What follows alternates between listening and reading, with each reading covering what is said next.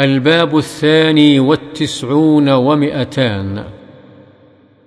باب تحريم تشبه الرجال بالنساء والنساء بالرجال في لباس وحركة وغير ذلك.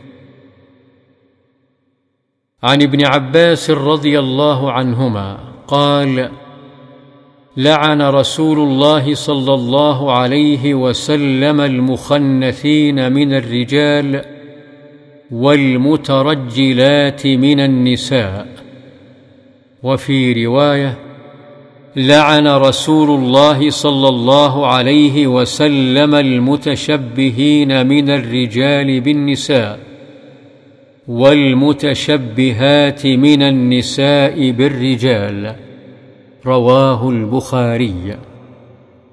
وعن أبي هريرة رضي الله عنه قال لعن رسول الله صلى الله عليه وسلم الرجل يلبس لبسة المرأة والمرأة تلبس لبسة الرجل. رواه أبو داود بإسناد صحيح. وعنه قال قال رسول الله صلى الله عليه وسلم صنفان من أهل النار لم أرهما. قوم معهم سياط كأذناب البقر يضربون بها الناس ونساء كاسيات عاريات مميلات مائلات رؤوسهن كأسنمة البخت المائلة.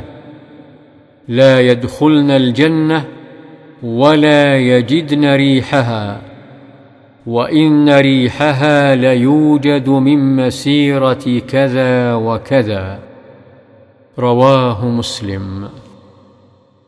معنى كاسيات أي من نعمة الله عاريات من شكرها.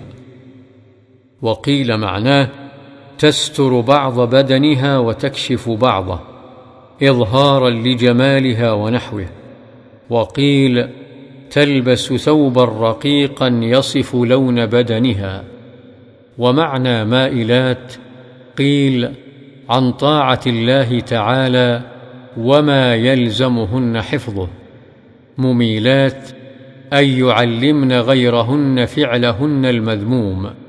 وقيل مائلات يمشين متبخترات مميلات لأكتافهن. وقيل مائلات يمتشطن المشطة الميلاء وهي مشطة البغايا. ومميلات يمشطن غيرهن تلك المشطة. رؤوسهن كأسنمة البخت اي يكبرنها ويعظمنها بلف عمامة أو عصابة أو نحوه.